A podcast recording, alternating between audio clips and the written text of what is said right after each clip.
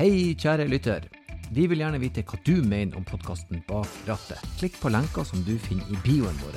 Svar på fem enkle spørsmål, og vi er fem vinnere som får årets julegave fra oss og Bertil Osten.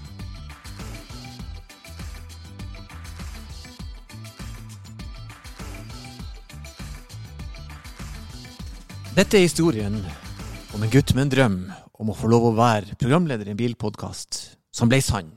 Mitt navn er Erlend Osnes. Dette er Bak rattet. Og med meg har jeg Stein Pettersen. Hallo, Stein. Hallo. du likte den? Ja, jeg likte den. Jeg likte den, og det er så god stemning. Eh, og, og, og denne, denne, her episoden med Bak rattet er altså er, Altså, dagens gjester er, er definitive bensinhuer. Alle tre. Ja, og dette er jo gutter som måtte lære seg å tisse på flaske i ung alder, og som har hatt god nytte av det i videre karriere. Faktisk, og dette er faktisk alle tre ei flere kjøretøy. Ikke ett, ikke to, men flere. Ja, og de er ekstremt raske til beins, men hevder at de er svært ansvarlige når de beveger seg ute i trafikken. Ja, og dagens gjester, for de som ikke har tatt det til nå, er brødrene Ingebrigtsen. De kom hit og slo en prat oss, med oss om biler, om livet, om motorsykler, om hjert, om ferier. Rett og slett en fantastisk episode, og denne kommer dere til å bare storkose dere med, for det gjorde i alle fall vi. Så jeg skal ikke oppholde dere noe mer enn det. Nyt dagens episode med Ingebrigtsen-brødrene.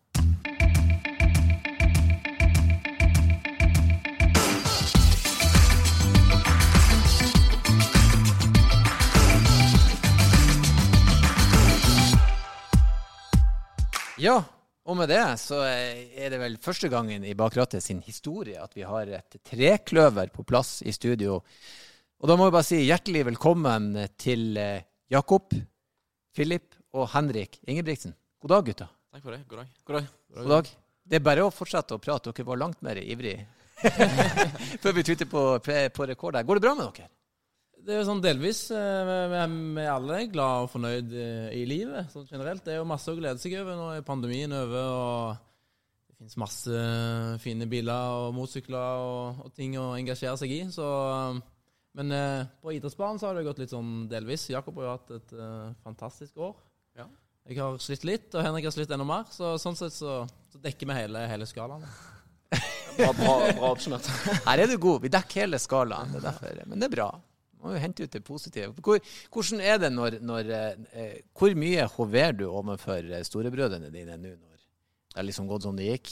Ja, det er ganske greit, for vi, vi kjenner jo hverandre såpass godt, så vi, vi, trenger på en måte ikke si så mye nødvendigvis. Men mm. eh, det blir jo eh, Alle vet hvor de er og hva de gjør, og det er veldig fint med løping og med den interne konkurransen vår at det er veldig synlig i og med at eh, vi tar tida. Det, det holder ofte med et blikk, bare. Ja. Det er sånn med søsken, liksom. Det, jeg husker når jeg var yngre, så kunne jeg, eh, kunne jeg terge han lillebror min, han som ikke er her, da, til det å fly i taket bare med å lage en liten lyd eller, eh, eller ja. det, Og det gjelder litt sånn samme her òg. Vi, vi, vet alle Vi kjenner alle på, på det samme, og, og, konkurranseinstinktet ligger jo der. Og, men, men på andre sida så jobber vi mot samme mål, og med, med, med et lag. Så, så meg og Henrik, vi har jo òg føler med, da, tatt, eh, tatt OL-gull sammen med Jakob, og, og, og, føler at vi har eh, eierskap i det, samtidig som at, eh, som at Jakob har jo gjort det sjøl. Så absolutt, jeg, jeg følte jeg hadde eierskap til det når jeg så han gjør det. Altså, dette er fantastisk. Jeg satt sjøl med Men for å svare på spørsmålet, så føler jeg Jakob har blitt sånn 14-15% mer ufordragelig etter OL-gullet. Uten at jeg har sagt noe? Nei, men altså bare det der trynet. Sånn. Så det er ikke sånn at når dere har familieselskap, så plutselig sitter han med OL-medalje, liksom? Bare sånn tilfeldigvis? Oi, har jeg den her? Oi, se her, du. Ja, i, i, i kroppsspråk så gjør han det. Ja, nemlig. Ja, den, der, den søskenrivaliseringa eh, Altså, jeg er nå 44, og broren min er 47, og vi har slutta Vi kan ikke spille ludo engang. For det blir rett og slett utrivelig. Så da, da må man legge det til sides. Så det, litt rivalisering skal det være. Men vi skal ikke snakke så mye om løping. Dere er jo her for å snakke litt om bil.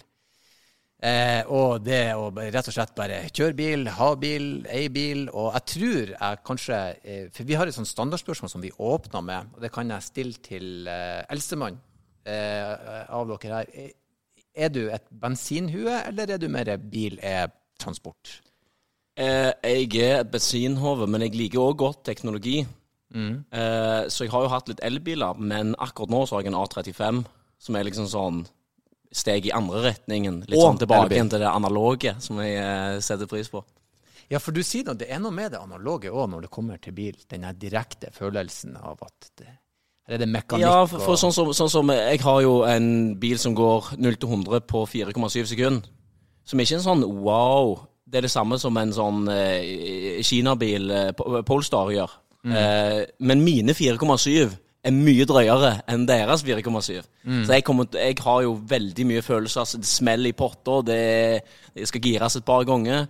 Og opplevelsen for meg, da, som er bilinteressert, er, er mye, mye bedre. Um, som det handler ikke bare om hvor faktisk hvor fort det går, det er liksom følelsen når du gjør det. Mm. Der, er det, jeg, det jeg fikk litt ståpels når du sa det. Jeg kjenner meg veldig igjen i den følelsen. Tror du at det, det, elbilene vil ødelegge lidenskapen, eller kanskje bare erstatte den med samme Ja, type? for sånn som Mercedes gjør nå med den uh, nyeste eh, AMG GT 4-dørskupeen. Altså, de har jo bare pusha De har tatt uh, hybridteknologi og bare pusha liksom hvor mye performance klarer vi å få ut av denne bilen her. Det liker jeg. Sånn at de sier at det her skal ikke være miljøvennlig, det her skal gå fort. Sånn, så, og det er jo på grunn av den teknologien som i utgangspunktet vi tenkte skulle være miljøvennlig. Sånn, så liksom eh, At teknologien blir pusha framover, er jo genialt. Og med, sånn sett så burde vi kanskje hatt en verdenskrig til. For da hadde vi virkelig fått skikkelig teknologiske framskritt de neste årene. For det er jo det som virkelig får får litt gang på det. Ja, ja, men jeg vet ikke om det er vi skulle hatt en verdenskrig til, men, men, men det, er jo, det er jo teknologi. altså sånn, vi, vi vil jo vi må jo løse noen problemer her eh, de neste åra som, som vi står overfor. eh, Og da er kanskje det å, å ja, forbedre teknologien på, på elbiler, gjøre det mer attraktivt for folk flest. Mm. Eh, og endre måten vi transporterer folk og, og mat på, og alt mulig. Eh, men, eh, men jeg syns fortsatt vi skal holde litt på de Vi trenger ikke å knokse de gamle bilene. De kan vi, vi som er opptatt av bil, vi kan ta vare på de. Ja. Eh, og, og heller bygge ut litt garasjer og ha de, så kan de stå der, og vi kan skru og mekke litt på de, og så eh, ja, kjøre det litt på jordet og sånne ting. Så, der, så, um, så kan andre normale folk kjøre elbiler og elbusser og tog. Trikk og Jeg liker det. Balanse. Jakob, du er òg glad i, i bil og kjøretøy. Bensinhue, ja eller nei? Jeg er veldig glad i bil. Eh, bensinhov eh, definitivt. Mm. Men jeg, eh, jeg er òg med på at det er en problemstilling man må ta, til, eh, ta stilling til. Og så er det jo forskjellige løsninger til det, men de som ikke trenger å kjøre bensinbil, kan jo kjøre. Eller som ikke har lyst, så er jo elbil en fin ting. Men så kan jo de som virkelig brenner for det, ha, ha lov til å kose seg med sitt. Jeg syns før så var det sånn eh, det sånn Er du bensinhode, så sånn Ja, jeg elsker eh, bensinbiler. Sånn, for da var det liksom Var det bensin eller diesel? Mm. Sånn, nå er jo til og med diesel er jo på mange måter bedre enn eh, for oss bensinhoder. Altså bedre og kjekkere enn en elbil på mange måter. Så det er en skala der elbilene er på bånn, diesel er på midten, og så bensin på topp, og så er det racingfuel på toppen. Du er Det er nesten skutt hvis du snakker om diesel i Oslo, men, eh, men ja. Men det er ganske rart hvordan det endra seg, for eh, når jeg tok lappen, så var diesel miljøvennlig. Da pusha de dieselbiler i søkk og kav på oss. Så gikk det noen år, og så fant de ut at dette er jo ikke bra. Det er jo fremdeles miljøvennlig hvis du tenker på Ja. eh, CO2. Og Riktig. de som skal kjøre lange strekninger, som f.eks. i Nord-Norge eller Finnmark, der de skal sitte seg i bilen og kjøre ti timer til jobb, sant? Så, så, så er det jo absolutt det beste. For, at- men småkjøring med en diesel blir det jo der problemet er, og, og i en storby der det slipper ut NOx-gass og diverse. De har jo blitt helt drøye, de dieselmotorene. Og det kan jo sikkert eh, eksperten her eh, Men jeg tror ikke folk flest vet på en måte hvor, hvor rent brennende de dieselmotorene er. eh, og hvor lite de slipper ut. Men det, det er ikke det samme som de der eh, V8 diesel eh, Mm. pickupene fra USA. Liksom. Det, Det dere sier er jo Det er kjempeviktig, men folk, jeg føler at i dag så er det enten så er det elbiler, og du, og du tar vare på hjemløse kattunger og mater fugleunger med melk og ikke et noe annet enn gress. Eller så hater du alle mennesker å kjøre bensinbil. Det er ingenting midt imellom lenger når vi skal snakke om det. Folk de mister sinnet hvis du snakker om bomringer og bensinbiler. det er jo flere nyanser, så du sier. Ja, ikke sant. Så vi er liksom blitt to sånne leirer der. Og der burde jo miljøpartiene strengt tatt ha kjent sin besøkelsestid under dette valget, for vi står overfor et klimaskifte, og miljøpartiene gjorde det verst. Så da handla det jo litt om hva det er du har solgt for noe. Men eh, vi sklir ut, eh, som vi bruker å gjøre. Eh, dere er glad i bil. Eh, Jakob, hvor gammel var du da du tok lappen? Var det med en gang, eller? Jeg fikk eh, billappen eh, den dagen jeg fylte 18. Riktig. Ja. Så tok jeg motorsykkellappen kort tid etter det. Ja da, dette er så riktig. Ungdommen i dag, følg opp med en gang. Så Men jeg må ærlig si at jeg i min eh, generasjon så savner jeg et eh, Kall det et rånemiljø i min venneomkrets. Grunn av at det er mer, kanskje enda mer ute i distriktene i, i Sandnes og på Vestlandet at folk eh, ja, tar motorsykkellappen eller kjører bil, da. Mens de fleste av mine kompiser hadde ikke noe sånn hastverk med å ta verken billapp eller eh, kjørte ikke motorsykkel når de var 16. Så, men jeg syns iallfall det er veldig kjekt. Mm. Ja, men det er bra. Så du tok lettsykkellappen, og nå For du kan vel ta tunglappen på 24? Jeg har, eh, jeg har tunglappen. Du har tunglappen nå, ja. ja. men Det er veldig fint. Hvilken sykkel har du? Jeg har en XSR 900 Abarth Ja. Yamaha. Så, den, eh, så jeg er for å ha motorsykkel for å kose seg. Ikke som eh, Ja, for, ja, for at motorsykkelen er jo ren glede. Er det noen av dere andre som kjører sykkel? Ja. Ja. Ja, men det her er jo fantastisk. Han er jo lillebror, så han på en måte Han kommer jo ikke på disse tingene sjøl. Han er jo født inn i en kultur, liksom. Sammen med løpingen og med Der igjen så var det jeg som gikk foran som et bra eksempel. Nei, men, det, men i sånn, det, jeg har jo vokst opp i en, eh, i en motorglad familie. Mm. Så det er jo litt gøy når vi er hjemme og snakker om eh, traktorpulling og ragerøyr og V8-ere og 10 liter svettiere. Så kommer man ut av huset, og så er det jo da buss. Så det er en liten kontrast fra være hjemme i husholdningen, hjemme og i huset enn ute i gata. Ja, det, det fine med motorsykkelen er for Jeg kjører en veldig kultivert elbil, egentlig. Den har rå prestasjoner, men det som du sa, han er litt sånn Ja, det er veldig kultivert. Det er 4,7 sekunder som uten noe særlig arbeid. Mens når du da har sykkelen ved siden av, så må du jobbe litt. Da er det plutselig luftmotstand, det er lyd, det vibrerer. Det, det, det, og da føler du at nå lever jeg. Nå- kjører jeg. Jeg er ikke bare med denne farkosten fra A til B, jeg kjører den faktisk. Så det er artig. Eh, eh, Henrik, hvilken sykkel har du? Eh, jeg, har, eh, jeg har flere. Å ja. Eh, men jeg har eh, en som er litt sånn uh, terrengaktig, sånn en huskvane Mm. Og så har jeg en Ducati eh, V2, en Panigale, som, eh, som er veldig gøy. Og så har jeg solgt den uh, tredje til far min, faktisk. Ja. Eh, det er en Yamaha, en, en litt sånn cruiser, hvitvin, uh, kafé-racer-opplegg, mm. som, eh, som han har sogla på siden jeg kjøpte den eh, for fem-seks år siden. Så, så eh, han Jeg kaller det låner, men han har kjøpt den av meg, da. Ja, riktig. Så han har gått og venta litt på at den skulle Ja, Den står fortsatt i garasjen min, så, så at han har betalt meg penger for at han skal stå i min garasje så jeg kan bruke den, det gjør meg ingenting. Men nå kan jo han i hvert fall gå rundt og si at han har motorsykkel, han òg. Han har motorsykkel, han òg, så han trenger ikke kjøre den så mye. Men, men det er jo litt det, vi kjører jo ikke så mye, og, og vi, vi prøver jo å minimere risikoen mest mulig når vi er ute og kjører. Vi har noen bein vi skal bruke forhåpentligvis eh, et par år til, og, Ja. og, og prøve å kjøre når det er fint vær, når uh, ikke så mye trafikk, og, og kjøre eh, fornuftig. For jeg opplever at hjertet er ganske opptatt av at dere ikke skal bli skada. Sånn sett så er det litt sånn eh, Det er noen kontraster her, da, som eh, Ok, du trenger jo ikke å skade deg så voldsomt heller, men det kan jo være nok å sette ned den foten litt for å rette opp et forhjulsslipp eller, eller hva som helst. Særlig hvis du kjører litt i skogen, liksom. Ja. jeg, har et, jeg har et godt, eh, en god historie der senest for et par uker siden. Der Vi har jo hatt en, kom ut av en lang sesong der vi selvfølgelig fokuserer på, på jobben vår. Og så ser vi jo på mye, mye på Formel 1 og Formel 3 og følger med på masse forskjellig. Men vi vil jo gjerne kjøre litt sjøl. Så det som er lurt da, med Gjert, er å gå ut og så si jeg skulle gjerne kjørt litt på bane med motorsykkel. Sånn, Så må han ta stilling til det. Så blir det liksom, så tenker han på det.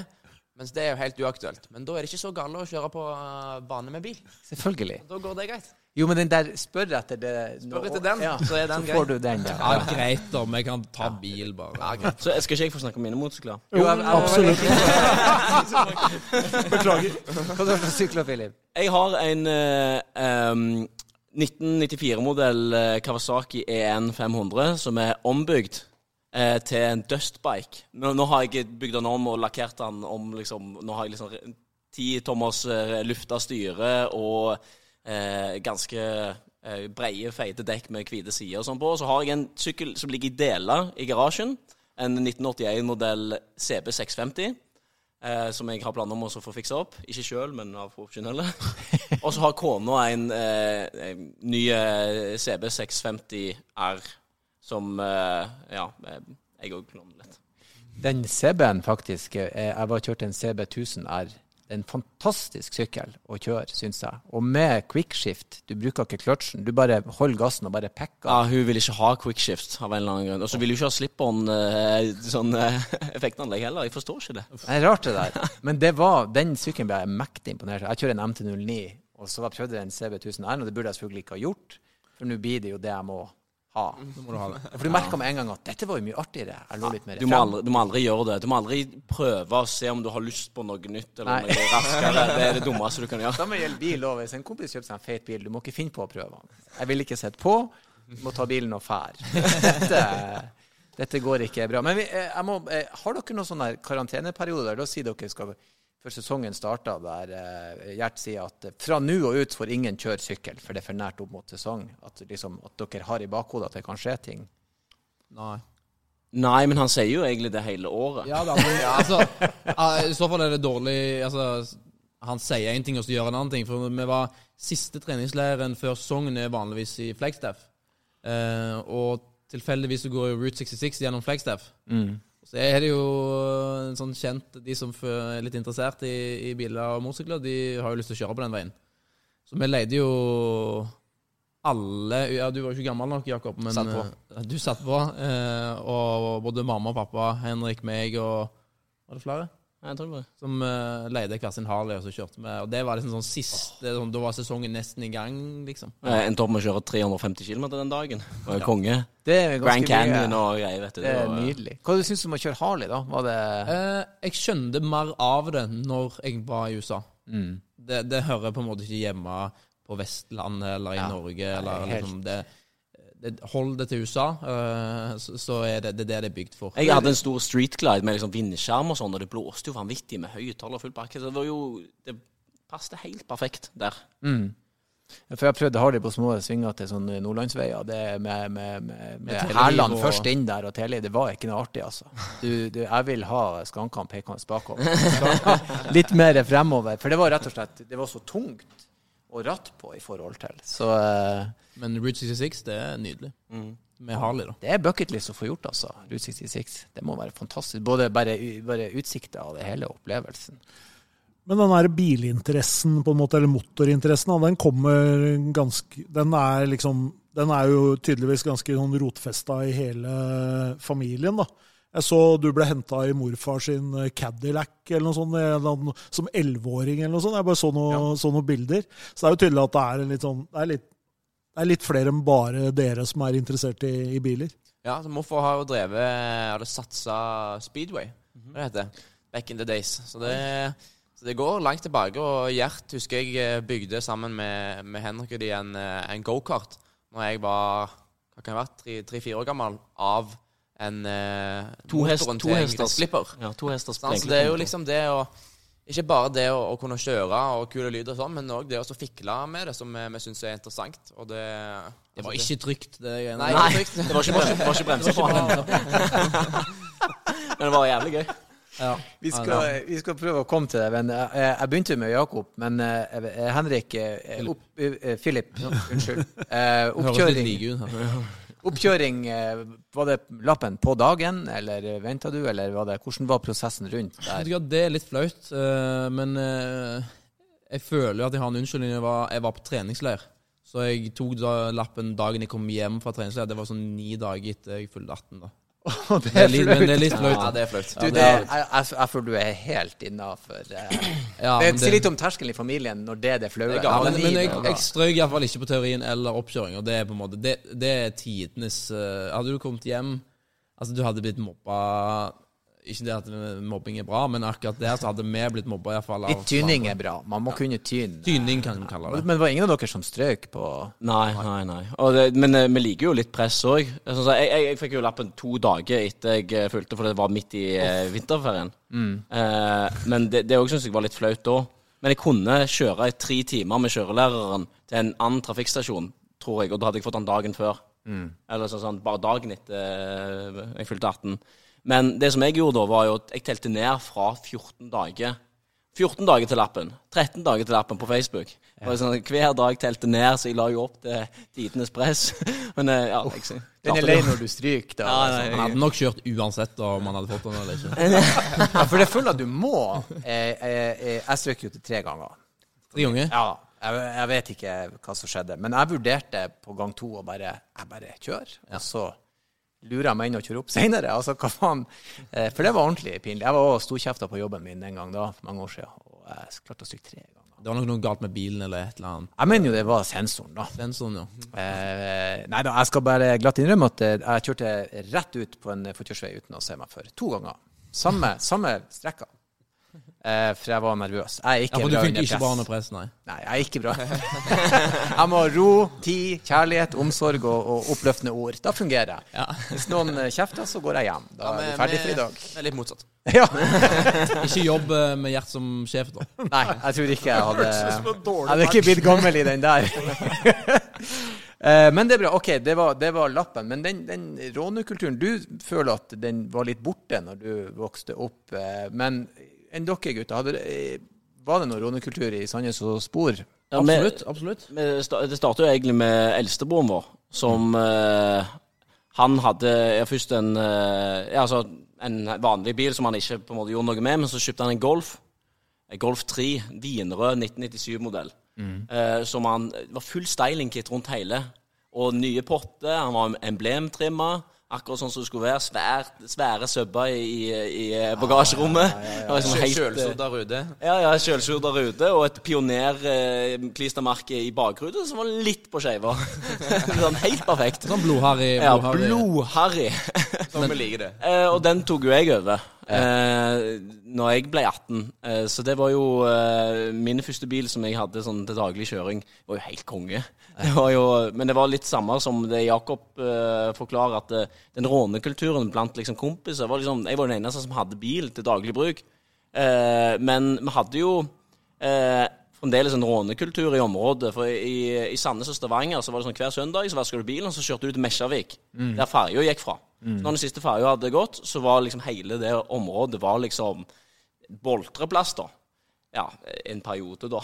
Helt til det og noen som kjørte på en midtrabatt og noen greier, og så kom politiet, og så ble det ikke noe mer. Men uansett så var iallfall De mente det var farlig, liksom. Ja, jeg skjønner ikke problemet. men jeg, jeg, jeg er jo på en måte sånn, Det er jo selvfølgelig risiko involvert når øh, folk eh, uten så mye kjøreegenskap eller ferdigheter skal ut og så ja, lage Skal drifte liksom rundt på en sånn parkeringsplass. Men, for, eh, men det er uansett bedre at de gjør det på sånne plasser, litt avsidesliggende plasseringer, store parkeringsplasser, enn at de gjør det midt på veien. For det er det som er alternativet. Så de må på en måte ha én plass og få litt utløp for ting. Nå er det jo, begynner det å komme litt eh, sånne I, i Sokndal, eh, halvannen time fra oss, så er det jo en, eh, en, eh, en, en ny racingbane som kan, kan på en måte tjene samme hensikt. da, Med at du får utløp for litt fart og spenning. og kan ta bilen din ned der og kjøre noen runder, og så kan du kjøre fint hjem igjen. Akkurat det tror jeg det er nøkkelpoeng. Folk snakker om det med hvordan skal du få en bra kultur blant folk som kjører. Da er det å ha jeg mener, eh, obligatorisk glattkjøringsbane, banekjøring, kanskje hvert andre tredje år. Så, og, så, eller, og når du vil òg, sånn at du får rast ifra deg. Ha det artig. Kjør på bane og, og ta ut den gleden der. Og så kjører du rolig hjem igjen. For folk kommer jo, den energien der blir ikke borte av seg sjøl, for å si det på den måten. Nei, men så er det kanskje noe med å ha litt kontrollerte former. Og du samler veldig mange unge mannfolk spesielt, da, Ja. så blir det på en måte litt sånn hodeløst. eh, Ja, Det, mister noen, du mister noen jernceller på veien ut uh, til de eventuelle Det- de det fyrer er hverandre opp, og- Men, men en, greit, ting som, en ting som er et, et problem, iallfall i, i Sandnes og Stavanger, er at man har ikke et tilbud. Og altså, Det blir jo at man møtes på Mesjavik, og så går man ut til neste plass, og så går man til neste plass. Nå Senest nå, for et par måneder siden, så ble det jo stengt av med svære steiner og kjetting gjennom på en stor lokal parkeringsplass som ungdommen brukte til å møtes med motsykler og biler. Og når det blir tatt vekk, så skaper det jo bare farlige situasjoner på veiene.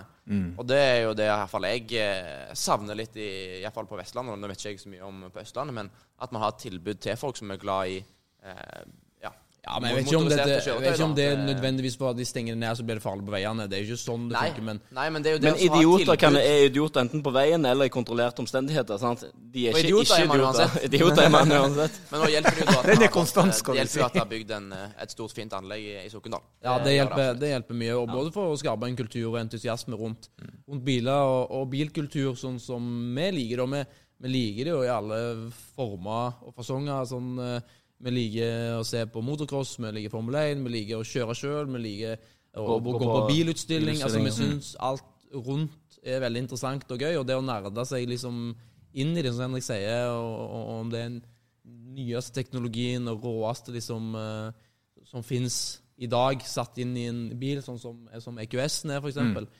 Det, det er, vi syns det er ekstremt fascinerende å, å se folk som går litt eh, Går litt eh, Å se det mest ekstreme av, av flere klasser og flere liksom eh, deler av bilverden. Da. Mm. Jeg, jeg, jeg er dere si, preker til koret. Jeg er helt enig. Jeg, jeg, jeg tror jo og håper at vi får en, en, en Dennis Hauger nå, eller også hans sønn han Solberg kommer opp. ikke sånn, Så får du nordmenn som driver ute med det, så vil jo flere se på det. Og jeg husker når eh, Solberg tok gullet i 2003. Eh, var det 2003? Det husker jeg for at Glimt tok sølv i cup og serie da. Eh, eh, fikk jeg fletta det inn. Da var interessen stor Ja. for det. Men du må eh, gjøre blant noe flere. Du må ja, du må foredle det. Når Ja. Mm. du har interessen, så må du jobbe. Da må du starte ting, og så må du ha ikke minst plasser der folk kan få lov å utøve Mm. interessen. Ellers så dør han veldig fort. Og det ser vi jo i den bransjen som er nærmest oss òg, i forhold til løping. Så var, det, det har vært nok av på en måte Eller ikke nok. Det har vært eh, gode perioder før. Men så er det veldig langt mellom, for det er litt sånn tilfeldig om noen blir gode eller ikke. For det er ikke en kultur som blir videreført. Eh, du hadde Vebjørn Rodal og folk på 90-tallet som sprang veldig fort og var veldig gode. Så gikk det egentlig 15-20 år før Henrik og, og, det, og, og de som holdt på, på Når han slo gjennom, som på en måte måtte skape litt på ny igjen. Eh, så, så det handler liksom Man kan liksom ikke bare være fornøyd med at ja, nå går det så bra her, at nå går det av seg sjøl framover òg. Man må foredle det, som sier, og videreføre den kulturen og det man på en måte mm, Det man har nå, da. Og det, det jobber man jo veldig med, spesielt i friidretten. Å liksom få et bedre tilbud og sette litt eh, ting i et bedre system. Der barn og unge får et bedre tilbud på å bli med i, i klubb. Og det er jo iallfall viktig når Dennis Hauger er for nå, står nå er jo for det. akkurat eh, det nye, nyeste forslaget til statsbudsjettet er jo eh, Jeg håper jeg kommer ut i Hva var det i dag eller går? i dag. I dag, ja. Så da eh, Det mangler jo en egen sånn post der liksom Formel 1-bane. Hvor mange milliarder trenger vi? For det, jeg synes det, det er viktig at de bygger operaen. Ja, det er viktig. Ja. Det er viktig at de eh, bygger ut Holmenkollen. Men, men det må jo, de mangler jo en. Ja. Altså, Nå har vi liksom storstua innen forskjellige ting. Nå trenger vi liksom en Norway Grand Prix. Jeg liker hvor du skal hen nå. Ja. Dette hadde vært jævlig kult. Norwegian Grand Prix. La oss kalle det Flåklypa Grand Prix. Ja, litt sånn ekstra Ellers kan folkelig. man, ellers kan man sette av penger i statsbudsjettet til å bygge om bare Ring 1 Ja. til en At det blir sånn storbyformel Ja. Ja, altså, Grand Prix, Finansiere med bompenger. De ligger jo veldig godt. 150 kroner per passering. Ikke veldig vanskelig. Man må bare bestemme seg. Jeg kan godt bidra med det hvis Jeg at det blir Grand Prix Jeg òg hadde midt lett betalt bompenger der for at, hvis det gikk til det. Og så, og så håper jeg dere snakker om det med løping, at de klarer å frede det om så bare for folkehelsa. For folk er Ja, det er ikke alle som rører på seg for tida. Så eh, noe sånn vil det være. Nei, men mer, mer enn Veldig før. sunt. Mer enn før. Ja, mer enn før. Man er Helt en liten bølge nå, og man må liksom prøve å, å ja, ri den så langt som mulig, da, og prøve å ta det med. Og så er det en utfordring selvfølgelig med enten om du driver med kjører racing eller om du løper. Da, så er det, jo, det er jo individuelle idretter hvor folk har veldig fokus på seg sjøl og egne prestasjoner. Så det må jo finnes noen som bygger et apparat rundt det på en måte, som gjør at du da at den neste som kommer, også kan dra fordelen av det som, som eh, dere har erfart, og det dere har lært, og det som Gjert på en måte har utvikla. Så må det jo være, og sånn blir det jo litt i Man ser jo det i motorsport, så ser man jo det at det er jo enkelte land som er veldig gode. altså Det er en grunn til at det er stadig kommer finske Formel 1-førere, eller at eh, eller at det er Og det er jo fordi at man har hatt et system som har gjort at eh, de som har gjort det bra, de har bidratt tilbake igjen til landet, til rekruttering, til forbund, til hele den biten her, sånn, så man må jo bygge noe rundt det. Men utøverne kan ikke gjøre det, eller førerne kan ikke gjøre det sjøl. De er jo nødt til å bare fokusere på seg sjøl, for det er jo en individuell idrett der du bruker 100 av tida di på å bli så god som mulig. Sant? Men det er jo akkurat det du sier, at det systemet rundt må på en måte ja, skape Du må, må kapitalisere på det momentet som den ene utøveren potensielt kan skape, da. Og så, ja At du, du får eh, Så hvis nå Dennis Hauger når Formel 1, da har han vist at det, finnes en vei for norske førere å havne på toppen. Sant? Og, og det er jo litt det samme vi har gjort. Vi har liksom vi har vist at ok, her er veien til toppen i friidrett internasjonalt. Og da er det mye lettere å starte på den veien, hvis du vet at ok, denne her går til der jeg har lyst å ende opp. Det er, det er like så viktig det eksempelet makt. Ja, de gutta gjorde. det, Jeg kan òg gjøre det. Det er bare eh, eh, Braut Haaland, for guds skyld. Han, det er jo i deres nabolag. Bryne spiller fotball, og plutselig er verdens beste fotballspiller. Så alt er mulig når du har sett noen gjøre det. Og det i seg sjøl er jo en spin-off-effekt som er helt utrolig, egentlig. Hvis du ikke sier da sånn som er typisk norsk, at ja, han er, han er så talentfull. Har ingenting med arbeidet han har lagt ned, og ingenting er at han etter trening står fem timer og øver på å ta frispark, eller eh, hvor mange 10 000 runder eh, Dennis har kjørt rundt banen når de alle andre har gått hjem. Sant? Det liksom, ja. Det er et godt eksempel eh, med oss, da. Vi er jo tre, tre individuelle personer som har oppnådd ganske bra resultater hver for oss. Eh, og så er det jo en, en forskjellig grad av talent som ligger i bånn. Det skal ikke spesifisere hvem som har mest talent og ikke, men, men det er jo klart at det, vi er tre forskjellige personer, og, og det har funka, eh, det vi har gjort.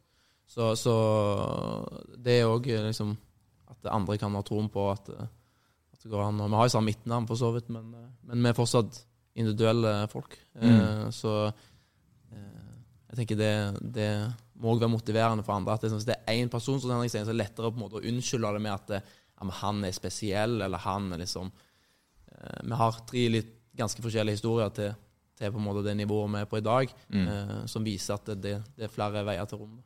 Mm. Vi tror på, jeg tror egentlig ikke på talentbegrepet. Jeg tror at talent er mer eller mindre en mindset. sånn at eh, Jakob har ikke noe spesielt mye mer talent enn alle andre han springer fra. Det er liksom bare at han starta tidlig med å på en måte gå den rette veien og har lagt ned vanvittig mye arbeid. Det er ikke sånn at Jakob våkna med fantastisk gode løpebein. Nesten tvert imot. Det er jo den, den jobben han har gjort som, som, eh, som gjør at han er der han er i dag. Og hvis du sier at ja, Jakob er så talentfull, det føler jeg er en tapers unnskyldning på at Jakob er bedre. Ja, og så underminerer du jobben. Ja, du absolutt. avskriver innsatsen. Å ja, ja, han er talentfull, han bare møter opp og vinner. Nei, ingen gjør det. Så hvis jeg, jeg hadde hatt liksom- Jakob sine bein, Det, talent er jo egentlig et begrep som er lagd av de som kommer på andreplass, eller de som ikke er med i det hele tatt. På grunn av at det blir så meningsløst for de å bli med når folk har et medfødt talent.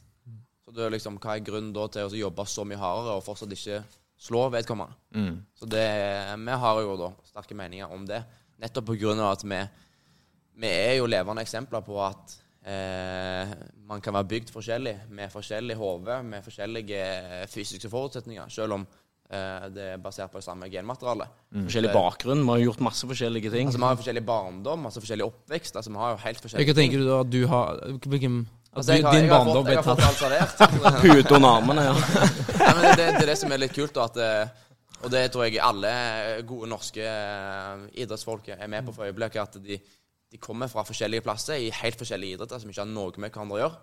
Men det er bare det også å bestemme seg, og samtidig legge ned et, et stykke arbeid. Det er nettopp det arbeidet som er på en måte den røde tråden gjennom, eh, gjennom alle de som er, er gode nå, da, spør, sånn som jeg ser det. At, mm. sånn som, som du nevner Haaland, og du nevner om det er Karsten Warholm eller om det er Jakob. Altså sånn, det er jo eh, visse fysiske forhold som ligger i, i bånn, men, men de har trent ekstremt bra over lang tid. Og de har eh, vært seriøse fra veldig ung alder. Og, og det, det, det gjelder motorsport òg. Så Dennis Hauger, så er eh, Solberg Han Altså, Solberg har ikke gjort veldig mye annerledes eller annet enn å kjøre bil og trene og terpe på det de skal bli Det er gode fordi han har trent mer enn de andre. Han er god. Ja, det er jo helt klart. Eh, Berge, som er håndballtrener for eh, norske landslagsgutta, han sa jo at det er jo veldig rart at eh, jo mer du trener, jo mer flaks har du òg. Ja. Så det er jo, altså, dette er jo på en måte henger jo sammen. Det er klart, det. Hei, folkens. Det er han Erlend igjen som bare smetter inn før dere får lov å ta fatt på episoden. Jeg og Stein snakker ofte om showrommet til Bertil Osten i Bjørvika, her vi har podkaststudioet vårt. Og jeg skal bare si at dere kan komme og besøke oss.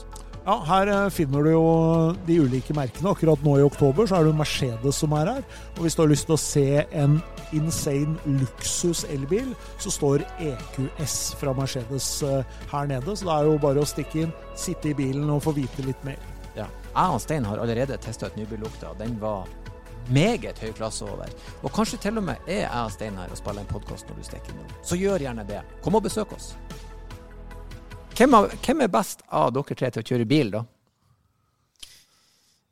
nå har vi jo Jakob tar ordet, det eh, liker jeg. konkurranser eh, ja, i seneste fortid. Ja, men du må spesifisere, for jeg har hørt, jeg har hørt det på podkasten her et par ganger før. Mm. Og, og da svarer de eh, på en skala fra 1 til 10. Mm. Så er karakterer karakter på deg sjøl. Eh, men jeg tenker hvis du ikke spesifiserer det, så gjelder det jo null. Så er du ekstremt dårlig og aldri kjørt bil og ikke kan håndtere noen ting inni den bilen. Mm. Men hvis du er ti, så er du verdens beste bilsjåfør. Og da er du på en måte Formel 1 og Louis Hamilton eller ja, så du tenker beste sjåfør er den raskeste? Å nei, for jeg tenker jo at jeg er den beste løperen, selv om jeg ikke er raskest. Ja. Det er jo veldig subjektivt, og det er det som er poenget her. Så du må, Hvis det ikke er spesifisert, så, så setter jo alle ti på seg sjøl. Sånn er det jo bare. Ja. Da Spørsmålet er, jo, spørsmålet er jo ganske greit. Hvem, hvem er Hvem den er best? å best? kjøre? Og da er det jo faktisk hvem er det som kjører fortest, hvis vi setter, eh, setter oss i en konkurranse med like forutsetninger på like vilkår. For Sist gang, så var, at, det- sist gang så var det jo du Da vet jeg at jeg vinner. La oss, la oss justere den ned. La meg spesifisere den. Den beste sjåføren, den som eh, kjører mest effektivt innenfor lovlighetens eh, trygge rammer, og eh, er mest komfortabel å sitte på, og som hvis dere skulle, alle tre har liksom, her i bilen dere skal møte der og springe, hvem er det da som setter seg og kjører, og hvem setter seg på baksetet og førersida? Er, På de tre punktene som du beskriver der, så er det jo helt klart meg. Jeg kjører mest behagelig, mest økonomisk, og kjører når vi er på treningsleir. Det som er så greit, er jo at det er jo Akkurat når det kommer til hvem som kjører mest behagelig, så er det jo de som sitter på, som eh, tar den beslutningen. ja. Det er jo ikke deg, Henrik. Jeg har sittet på med deg. Hvis jeg skal, Ja, Altså, sånn.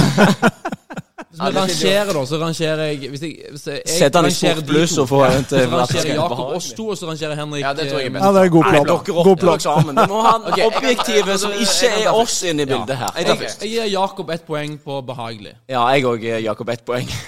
og du null. Nei, det var fra én til de. Ett poeng. Nei, altså sånn, vi må vi teller opp poeng til slutt. da. Hvor mange poeng vi får, så ser vi om det er noen som Ja, Det er bare i affekt, og det Det går var, det var tre punkter du sa. Ja, Det var eh, hvem som er Best innenfor eh, rygge, et, eh, lovlige rammer og regler. Effektiv, liksom. Eh, og Effektiv kjøring, ja. Og så behagelig. Og og så var det da hvem som da kjører når dere faktisk er ute på tur i lag. Ja. Da, OK. ok Det er jeg som rangerer først. Du rangerer først. Ja. Jakob, ett poeng på behagelig. Tar du skriver ned poengsummen her nå? se. Han er- Et, ja. Og så Henrik på eh, effektivitet. og så Nei, nei Jakob på effektivitet, og så Henrik på, på Det er han som pleier å kjøre bil. OK. Ja, når vi når Ja, hvorfor tror du Jakob er effektivitet? Har du stått på med han? Ja, for du er mer opptatt, du opptatt av musikk og sånn, men jeg kan, jeg kan, kan ta det på bakrommet etterpå. Trafikkregler og sånn, tenker du? Ja, ta- Nei. Jakob, din tur. Min tur. Eh, Philip på effektivitet. Ikke sant? stemme på meg sjøl? Nei, nei, ikke når du Det må du ikke gjøre. Philip på behagelig. Henrik på kjøring. Eh, Ja. den Som kjører, setter seg i, i førersetet. OK. Jeg er, en, jeg er en naturlig leder, kan du si. ja. Eh, OK, altså på, på den første så var det effektivitet. Altså, nå, nå henger, du, har, Ja. du er tredjemann ut nå. Jo, jo, men det går litt i battle nå når det går uh, Ja. Ja, det ble vel sikkert deg da, Philip, på effektivitet. Og altså, Er det det, taktisk? det, det kan jo være noe sånn, du vet ikke Nei, jeg gir ingen poeng på, på eh, Det er ikke behagelig. Det er ikke lov. Jo, for at det, altså, Det er jo graden av Når du behagelig. setter deg inn i en bil, og det første du gjør, er å sette den i Sport pluss, så er det liksom sånn Du legger jo allerede, allerede føringen på sorry sånn, Det går ikke an å så gi noen av dere poeng på behagelighet. Jo. Um, Men det er mitt poeng. jeg, jeg, jeg, Nei, nei, du kan ikke få den. Ja, det må være Philip. Philip? Eh, og så, altså. og så, ja, du, du kjører vel kanskje mer òg på treningsleir Ja, mye mer enn Jakob. En, mer enn Jakob, ja. ja. Det er vel mest sånn, sånn, sånn historisk sett, så er det jo den som betaler for bilen. Ja. For eksempel Bleir, den kjører. At jeg har betalt for han og kjører, er vel bare tilfeldig. At han, tenker du at han Ja. står som ansvarlig Ja. sjåfør? Den, den, som, den som leier, den kjører. Og så er det, når vi er hjemme i Norge, så er det stort sett den som har bilen. Hvis vi kjører Philips sin bil, kjører han. Hvis jeg kjører min bil, så kjører vi min bil. Og Henrik. Tallenes tale er klar da Philip er på førsteplass. Ja. Delt andreplass på henholdsvis Henrik og Jakob. Så da Jeg tror det er ganske Jeg tror det, jeg tror det stemmer ganske Men, men Det nå, stemmer greit. for, å for å så tolke um, statistikken, da, litt Så eh, skal jo det sies at jeg er jo bare halvparten så gammel som Henrik. Det Og har eh, under halvparten erfaring bak rattet. Så det syns jeg at man skal vektlegge positivt for min del. Men det slår ikke ut i noen plassering. Nei, dessverre. Men hvem av dere er raskest, hvem av dere er raskest Ja, rundt en bane? Det, ja, det, det, det er For, for, for det, Ja. Sist gang vi var og kjørte sammen, det var på bløtt føre, vel å merke, Hvor hen var det? eh, Rudskogen. Ja. Og da, da eh, var Philip eh, best. Klart raskest. Og jeg var klart, klart andreplass, og Klart Jakob var andreplass? klart sist. Vi var langt bak, men du var ikke i nærheten. Jeg og deg har kjørt likt når vi har hatt de samme forutsetningene på de samme vilkår. Og så har vi Nei. kjørt likt samtlige av gangene. Absolutt ikke. Og når vi var på karting sist gang, så slo jeg òg deg. Hvem som var Jeg best var tid på du kartingen? Ja, andre men vi hadde jo, Hvem, hvem har vi best hadde tid jo, på kartingen? vi hadde jo masse folk foran oss. Hvem har best Og jeg tid? vet ikke Jeg, jeg hadde jo s- sprekka i dekkene mine. To sekunder bedre enn deg på kartingen. Ikke Henrik han må bare overser at du en gang sier det. Han bare Men, men det, det, skjer ikke. jeg skiller meg iallfall ut som, som den Ja, desidert men må vi ikke beste si- sjåføren, både på vei og på bane. Men hvorfor er du så mye raskere enn Nei, det, det er talent. Det, det er kult. Han har nettopp avskrevet talent. Det er hardt arbeid, men bilkjøring er talent. Ja, det er talent. Ja, men det liker jeg. Men det er jo klart, når du aldri har gjort noe, Ja. sånn eksempel på bane Ingen av oss har kjørt bane. Enig. Og du da setter deg inn i en bil, samme bilen, samme føre, og kjører så fort du kan, så er det jo i hvert fall ikke trening. Så da må du jo være. Nei, Hvilke biler fikk dere kjøre på Rudskogen? Uh, Jeg husker ikke merket på det. Det var de de hadde der. Det det var noe gjelder det, var, det var litt uh, Ja, det var ikke så bra. Litt sånn rund. Fire hjul? Ja. Litt rund, fire hjul. Ja da, men det, det, det, vi får gjøre oss litt hvem som var raskest. De var, det var helt like biler. Det var det viktigste. Ja, men bra, da altså på, men bare sånn for å avslutte den, så føler jeg fortsatt at jeg er unnskyldt. Ja, I og med at jeg er tolv år gammel. Og kan bare slappe. Du har jo faktisk kjørt på den banen. Du har kjørt mer på banen enn det vi har. Ja, det vet jeg òg, men selv om man ikke kjører så fort på vei, så bygger man seg opp en erfaring, en feeling i bilen. Det er for så og, vidt riktig. eh, Ikke på glatta på en sånn bane. Men- men- noen men- Men han, så sta han starta med en dekaltrimma Golf, og du starta med en A45 eller noe sånt. Så det er klart det er litt Forskjell. sånn som du aldri har kjørt i komfort. Ja, det- men, men det vil du si det er mer trening eh, i en drittdårlig bil? Hadde vi kjørt manuell, hadde vi kjørt manuell, da hadde jeg most deg. Det tror jeg. Jeg Men, tror men Jakob har jo kjørt sin egen bil på, på Rudskogen. Det, Og det er jo en ekte bil. Ja, en, eh, en rask bil. På, hvordan var det? Eh, du, hadde du med deg egen bil? Hvilken bil er det du Da kjørte jeg en AMG GTS. Ja. Eh, litt annen opplevelse enn det vi, vi gjorde sist, men eh, ekstremt kjekt. Ja, det kan jeg. Noe av det kjekkeste jeg har gjort, tror jeg. Bare jeg har aldri kjørt en AMG GTS på Også, bane. Og så er det litt løye å gå og se. Når vi er på banen, eller Jakob var på banen, hørte eh, han fortalte og fikk kjøre sin egen bil, så får du jo instruksjon, og du får liksom sånn Og, og vi går inn med akkurat samme innstilling som vi holder på med Vi ber liksom profesjonelle eh, racersjåfører. Og det er, det er merkelig når vi aldri har satt oss i, i, på en bane før i, bil. Men, men det, jeg tror vi kunne blitt sinnssykt gode i det òg. Jo, men det det, men den innstillingen, sant? For det, men vi prøver, og Jakob sier sånn Du prøver å treffe det svingen, du prøver å, å, å optimalisere alt hele tida. Så er vi jo drittdårlige å kjøre, men, men, men jeg tror den innstillingen kunne gjort at vi kunne blitt ganske mye bedre. Vi hadde vært villige til å trent veldig mye hvis vi hadde fått muligheten til det òg. Hadde en tid til det, ja. Hvis pappa hadde hatt litt penger, så hadde vi vært det. Men hvem, hvem av dere tre igjen skal jeg la det være litt sånn kast spørsmålet ut i gropa og se hvem som tar det? Hvem er den som utviser mest road rage, blir forbanna og brøler og bannes, og hvem er den mest sindige av dere når dere er ute og kjører? da? Kan du måle det i f.eks. hvor mange ganger du har tuta på noen i trafikken? Ja, altså, vi kan si Nå er det jo hvor mange år du har kjørt bil. Nei, siste året. vi, vi, vi sier hvem er tilbøyelig til å vise obskøne håndbevegelser til folk. Det er lov å kaste andre i familien foran bussen her òg, altså. Ja da. Ja, jeg er klar. Road Jeg, jeg, jeg, kan melde, jeg kan melde meg frivillig til den. Road det er fair, det. Altså, jeg, har, jeg har en fra i går, et eksempel. Der jeg kommer til å kaste Jakob under bussen. Der Jakob er da passasjer i min bil som jeg kjører. Og så etter 200 meter der en kjører sånn 5 km under fartsgrensen, i et strøk der det på en måte er relativt lav fartsgrense, så eh, presterer han det å lene seg over på førersida og dyda Nei! som passasjer. Oi, oi, oi, Og mener at det er helt innafor. Kjenner, kjenner meg ikke igjen i det. Og mener at det er helt innenfor. Og jeg sier sånn Du kan gjøre hva du vil ut det vinduet på de sida, men ikke holde noen noe på, på rattet. Nei, men det er, det er en ting med å komme fra, fra Sandnes og Vestlandet, og det er ikke mange minuttene jeg skal sette meg i en bil i Oslo at jeg blir litt frustrert. Jo, men når du rører hans pete, så er det jo du som kaller han foran for en hestkuk, men han må eie det. Jeg må stå til Ja, ansvar for du må det. jo eie den at det er likt Det er så lenge man eh, Ja, når det er din bil uansett. Men ja. Ja, og så jo Jeg syns det er gøy. Så road rage, det er det altså Jakob som sitter på. Ja, nei, jeg sier ikke at han er verst. OK. Nei, Det var bare et eksempel på Jakob. Henrik har vel på en måte den verste toppen, eller den, den dypeste gropa, på en måte, sånn i, i road ragen, hvis Uavhengig av hvordan man vil se det, vil jeg tro. Jeg, jeg, kan, jeg kan heve stemmen ganske kjapt. Men jeg er jo bare vanvittig flink til også å observere idioter i trafikken. Jeg bare merker dem med en gang. Altså, når jeg, når jeg, gikk, på, når jeg gikk på videregående, så hadde vi en, en åpen oppgave i, eh, i eh, norsk eh, muntlig, der eh, du kunne holde foredrag om hva som helst. Jeg snakket om Yaris, og hvorfor alle som kom inn i en butikk og skulle kjøpe en Yaris, skulle bare bli fratatt førerkortet og klippet. Dette er faktisk faktisk helt Det er ikke kødd engang. Det, og da, jeg, fikk, jeg fikk karakter seks på den, eh, for at eh, jeg hadde jo et bra poeng. Sånn? Ja. alle, i, foran i alle køer så ligger det en Yaris. Men, òg også for å eh, Grunnen til å kaste Jakob under bussen, det er jo for at Henrik har jo en udiagnostisert ADHD-diagnose. Som vi sjøl har gitt han. Du har vært enig i det sjøl òg, at du har et snev av eh, At plutselig snapper og så har, har du ikke peiling på Så hvorfor. derfor er han på en måte Han, han er litt unnskyldt i forhold til Jeg- jeg det kan- road rage. Jeg, jeg mener at det er virkelig altså sånn innlevelse. Veldig, veldig Jeg lever meg veldig Mo- fort inn i Lidenskap. Ja, lidenskap. Jeg er lidenskapelig. ja. Lidenskapelig. Rett og slett. Ja.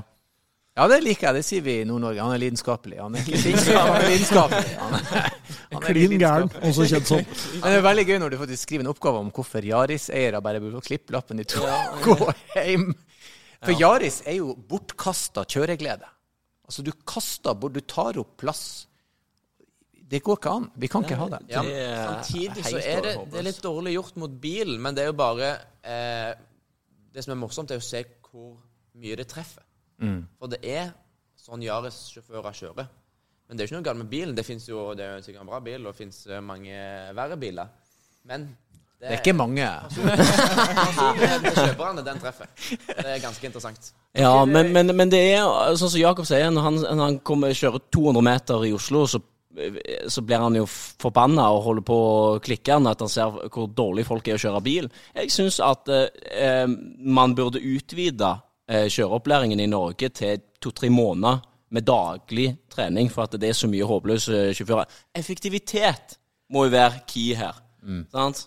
Ikke nødvendig Altså, kanskje folk bare kjører litt mer effektivt. Sant? Så det alt, alt blir bedre, da. Jeg tror ikke det var det Jakob ble irritert på. Jo, men det er jo det jeg- det det at du kjører på Ring 3, alt er fint og flott, er sol ute og, og, og vindstille og alt mulig, og så, og så er det bom stopp fordi de har stengt hele gjennomgangen i tunnelen på Tåsen, liksom. Ja, Altså, jo. Og så må alle kjøre opp eh, via Sognsvann for oss å kjøre rundt. Altså, det blir kø ut av det, og det er klart Når du da Det- kommer fra Vestlandet og, og er vant med at eh, Ja.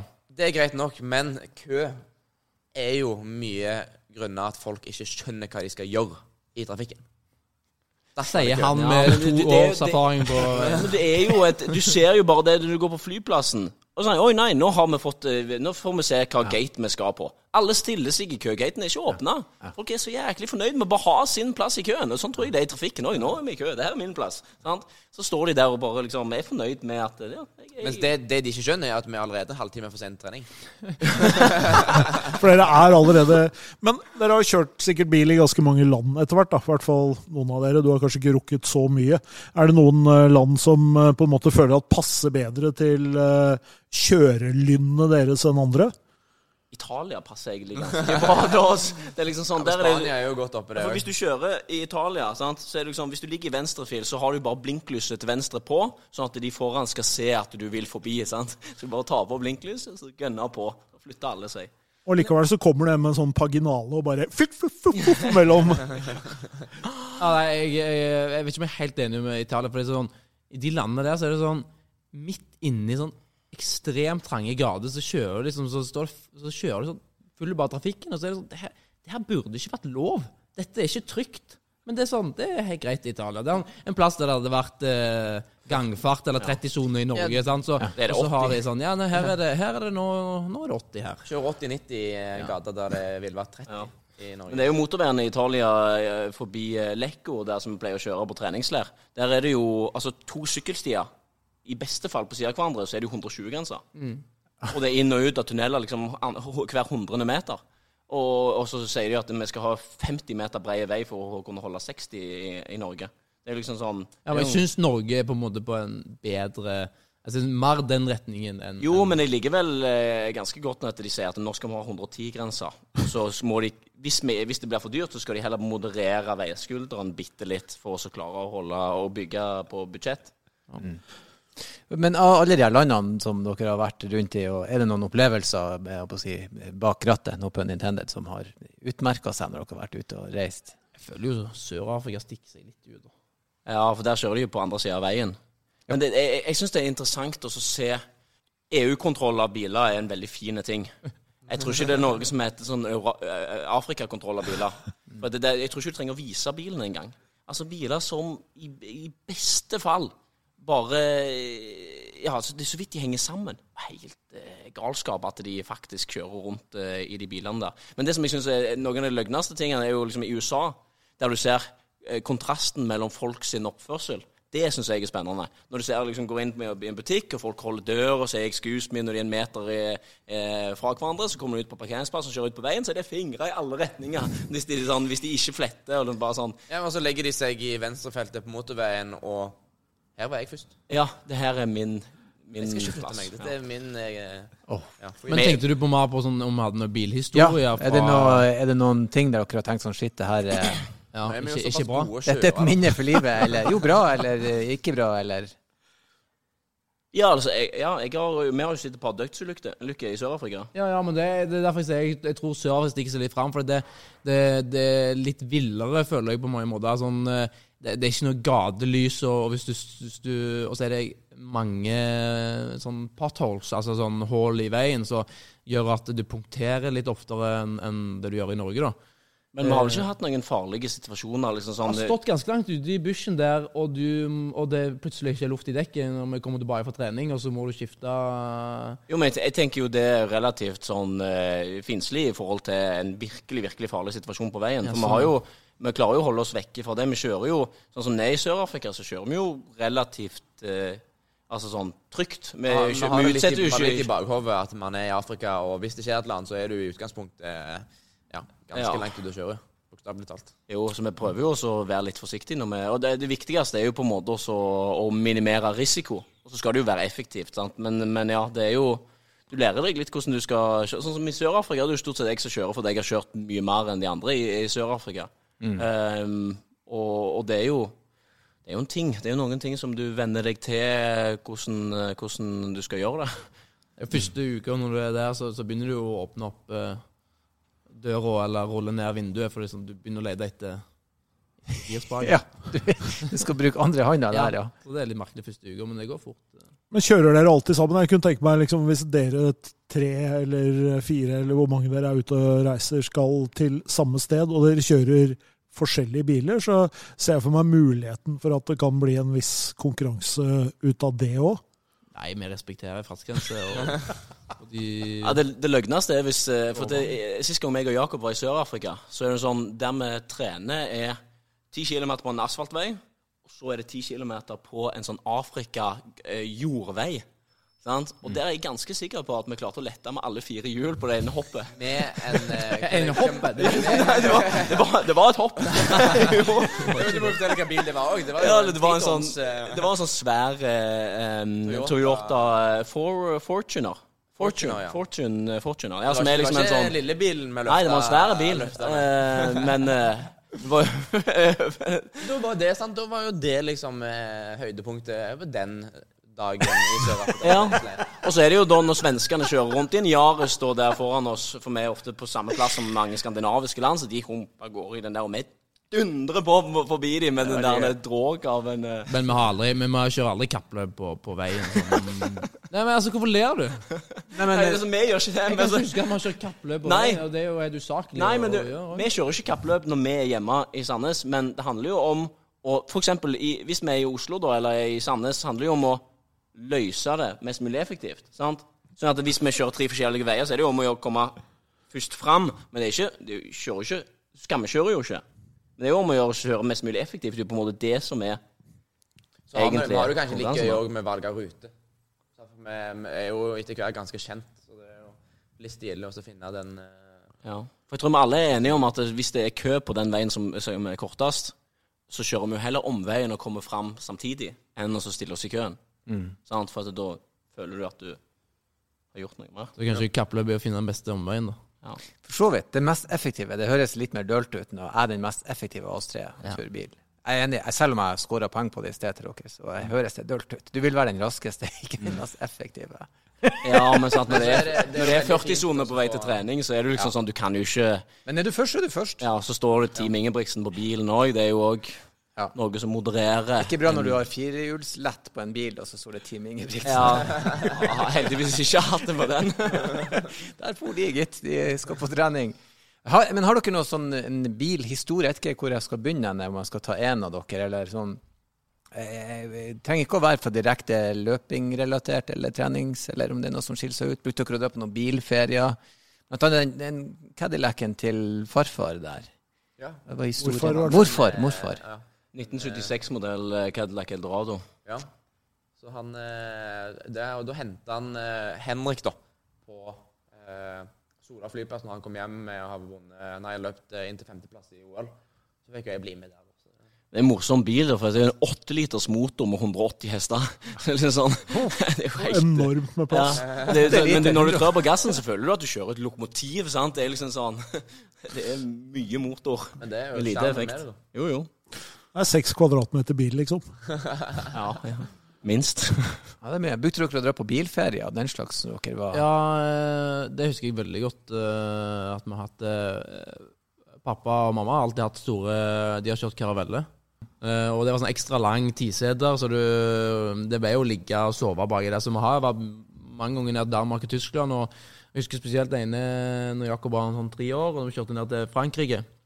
Og da husker jeg at vi fikk eh, eh, en sånn eh, pissemaur i bilen. For vi hadde kjøpt så mye snop som hadde smelta inn i bilen i Tyskland. Da var det, og da, hadde, da ble det et problem etter hvert at det var så mye det var så mye sånne krokodiller og vingummi som lå rundt og fløy. At vi hadde fått ja, altså, hver gang du stoppet, da, så var det jo pissemaur og alt som krøp opp i bilen, for de skulle jo fråtse i det her eh, smågodtet som lå. Så det ble et problem etter hvert. da. Men, eh, men også det var et, jeg husker òg at det var litt eh, et problem at det ikke var aircondition. Så det er sånn de minnene sitter igjen med. da. Så en karavell med såpass mange mennesker, Mhm. såpass mange timer uten aircondition med pissemaur i Og uten, Er eh, uten iPad og uten, eh, uten noen sånne ting. Så det, det var den gode gamle dagen når vi måtte kjede oss og ja, bare sitte og vente til vi kom fram. Og så pissa jeg pissa jeg i flaske, selvfølgelig. Men det tenker jo alle har gjort. Det er jo helt vanlig. Helt, helt normalt, tenker jeg. Jeg har pisset i en del Pissa flasker. dere i flaske? Ja, så var det jo også på rundgang, da. Sånn som når han var full, så måtte du jo Så måtte du jo tømme han ut i mellomtida. Så, Så dere bare stoppa ikke å tisse? Gjert stopper aldri. Når Han jeg, stopper aldri. Det er liksom når Gjert kjører fra, fra, fra Oslo til, til Sandnes, så er det tre minutter pause på den ene bens- bensinstasjonen rett ut forbi Kristiansand. men i Guds Og der var det sånn Da skulle han fylle diesel, gå og pisse, og så kjøpe seg noe å drikke. Og det vi ikke hadde lagt på eh, kassen, det fikk vi ikke. Kunne ikke ha pølse eller noe de måtte lage. Det tar for lang tid. Ja. Og så eh, var liksom måtte vi òg pisse da for oss Og, Men jeg, jeg kjenner jo at Jeg tenker jo um, Jeg er miljøskada etter å ha vokst opp eh, under sånne omstendigheter. Men det er jo jeg, jeg er jo mer sånn at jeg lar jo ungene mine gå inn og få seg en is, sette oss Ja. ned og ta livet med ro og komme hjem en halvtime seinere. Sånn, det er jo ikke kjekkere hjemme enn det er ute på tur. Sant? Ja, men altså Men det er det stresset som han påførte oss hvorfor skal du bruke tre timer inn, vet du. Hvorfor skal du bruke tre timer på å kjøre forbi folk fra Oslo til Kristiansand for å slippe dem forbi, og så ikke være i stand til å kjøre forbi noen de siste tre timene. Og Det virker jo helt jevndødt. Ja, men Da så var det logisk. Vi gikk på den. Ja, men han har jo kjørt forbi alle disse trailerne her, så nå må vi skynde oss, ellers så blir han forbanna, for da må han kjøre forbi det en gang til. Ja, riktig. Men det er jo ikke helt eh, det, det er ikke bra. Til en viss grad så stemmer det jo. Men nå tror jeg han har roa seg, da, for nå har han mista lappen en gang eh, for noen år siden og, og fått seg datter, som er litt, det er kanskje litt vanskelig å pisse på flaske. Jeg, skulle, si- jeg, sier, jeg har aldri pissa på ei flaske i en bil. Det, jeg har pissa på ei flaske, men ikke i en bil. Ja, sånn, ja.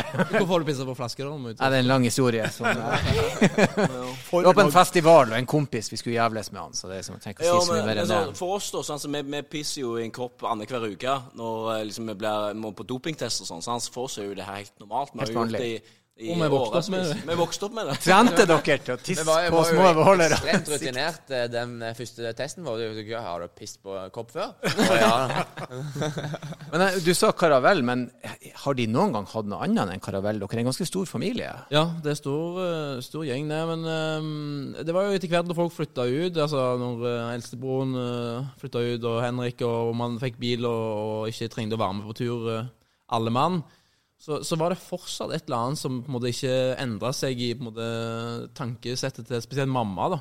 Det er liksom sånn Nei, jeg skal ha en bil med ti seter for at jeg skal ha plass til alle samtidig. er derfor Så sånn, ja, men Han har jo flytta ut for 20 år siden, han har fire unger sjøl og kone og bil. altså han trenger ikke, Du trenger ikke ha plass til han i din bil. Samme grunnen til at du har tolv sitteplasser rundt spisebordet hjemme fremdeles. Sant? Sånn i tilfelle det kommer masse folk. Det gjør jo ikke det. Nei. Så, men ja, de har hatt, de har hatt Turan og Chevron og, og, og nå ML og, og GLE og, og litt sånn suvval. Altså, E-klasse, C-klasse. men de kjører jo stort sett én og én. Hun alene og han alene. Så, så de trenger jo ikke den plassen, men det er, det er greit å ha, som hun sier. Kjekt, da. Men du sa noe eh, Hjertet hadde mista lappen. Er det noen av dere som har fått eh, fartsbot? Nei. Ingen. Jeg har uh, fått en fartsbot. Jeg har ikke fått noen ting. Fått en del eh, parkeringsbøter, men uh, Det gjelder. Var du nært? Mista du lappen? Fikk Nei. du tilbake? Altså sånn, Hadde jeg kjørt én kilometer timen senere, så hadde jeg ikke fått bot. Mm. Da ble jeg litt irritert. da. Mm. Men jeg tenkte at jeg var sikkert heldig, for at eh, hadde de stoppet meg en annen gang, så hadde jeg sikkert ligget noen kilometer raskere. Så jeg tenkte på en måte at jeg var Det heldig i det. Men eh, jeg følte jo ikke da at jeg, jeg råkjørte. Jeg fulgte jo bare trafikken og, og kjørte liksom bare ja, en grei flyt. Altså, vi, vi, vi kjører jo sånn uh, Statistikken viser vi kjører jo fint og full fast, og da får du ikke bot. Sånn, sånn er jo reglene. Ja, for så vidt. Skal vi høre litt om eh, det finnes noen drømmebiler her, eller er de, de er jo veldig lojale mot, uh, mot merkene sine, men bare sånn helt til slutt, kjapt, er det noe som virkelig ville liksom trigga Hvis du Altså, hvis, hvis du mot all formodning uh, Vikinglottoen skulle gå inn med 980 millioner Rett på bok. Ja, for jeg, jeg har jo SLS AMG som på en måte er en av mine drømmebiler, men da tror jeg jeg hadde bytta den inn i Black Series. SLS AMG Black Series. Good choice. Ja, den er bra. Uh, ja, jeg hadde jo uh, kjøpt uh, hus og sånne fornuftige ting, og så hadde jeg sett hvor mye jeg hadde igjen, og så hadde jeg jo prøvd å så kjøpe mest mulig kule biler. da. Ja, for du ville For jeg har jo flere. 900 Vikinglottoen gikk jo inn. Ja. ja. Så da hadde jeg jo kjøpt uh, For jeg klarer ikke å velge. For den ene dagen har jeg lyst på en amerikaner, andre dagen så har jeg lyst på en illsinte italienske. Så kanskje har jeg lyst til å være litt sånn sofistikert og kjøre med hvitt skinninteriør og, og høre skulle- på jazz. sant? Så, Hvis du skulle fylt garasjen med tre, da, for eksempel. De biler? Ja. Jeg er SLS, F40 og en Bugatti Veyron. Tingen er at Vi, vi snakker om dette her hver dag når vi er på treningslag, spesielt. nå. Da blir det veldig mye sånn hver måltid som man snakker om sånn forskjellige scenarioer. Den bilen Hvis du, du har disse premissene, så, så, sånn og sånn og sånn. Så det er ekstremt eh, vanskelig Altså, jeg- å velge, altså. jeg legger jo øh, Jeg spiller dette scenarioet i hodet mitt iallfall én gang i uka. Jeg går på Finn og så sier jeg, OK, hadde jeg fått så mye, uttak, den, den, den, den, og lager liksom en liten garasje. Mm. Det er gøy. Eh, Bugatti Veyron Jeg, ville tatt din garasje. Den, den hørtes Det, helt alle bilene der har på en måte eh, en historie òg bak seg. sant? Der eh, SLS-en er den første AMG Mercedesen. Skikkelig en ekte V8-er. Og så eh, F40-en er på en måte en sånn revolusjon i forhold til kan vel si, den første superbilen som faktisk kunne brukes til noe, og gikk relativt fort. Den liksom ble liksom en benchmark og en sånn poster eh, ja, eh, guttedrøm for sikkert vanvittig mye folk. Og så eh, Veyron da, som pusha grensene for hva som faktisk var mulig å få til, i forhold til hvor mye hester og hvor faktisk hvor fort han går. Og hvor mye penger det går an å tape på å lage en bil. Når de bygde den, at den hadde sånn tolv radiatorer eller et eller annet sånn, Hva er det som skjer med den 16, bilen? Ja, 16. Ja, det, det er en dobbel, en dobbel V8-er. Altså det er to V8-ere. Eh, som en Hva er det INV, er det ikke det? Ja, ja, en Dobbel, dobbelt, eh, ja. Som, som er eh, helt syke. 1500 ja, Så skjønner du, her er jo på en måte, Vi kan jo snakke uendelig om det, så, så det er jo ennå bare drømmebiler, og det, det er deilig å ha noen drømmer òg. Du, vi skal ikke holde så mye mer på dere. Det var veldig veldig hyggelig at dere kom eh, og besøkte oss her i Bakrattet podkast. Og så skal jeg avslutte med å si det jeg alltid sier, og det er kjør forsiktig. Skal vi gjøre? Takk for at vi fikk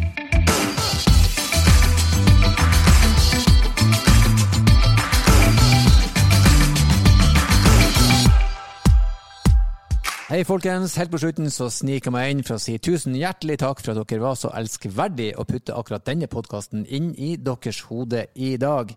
Og eh, vi håper at dersom dere vil høre flere prater vi har med andre, så kom gjerne med tips. Hvem vil du vi skal snakke med? Hvem vil du vi skal snakke om? Og ikke minst, hvis du har spørsmål som vi kan bruke, eller vil vi skal løse for deg, så send det til bakrattet.bos.no. Det var bakrattet at bos.no. Tusen hjertelig takk, og som alltid, kjør forsiktig.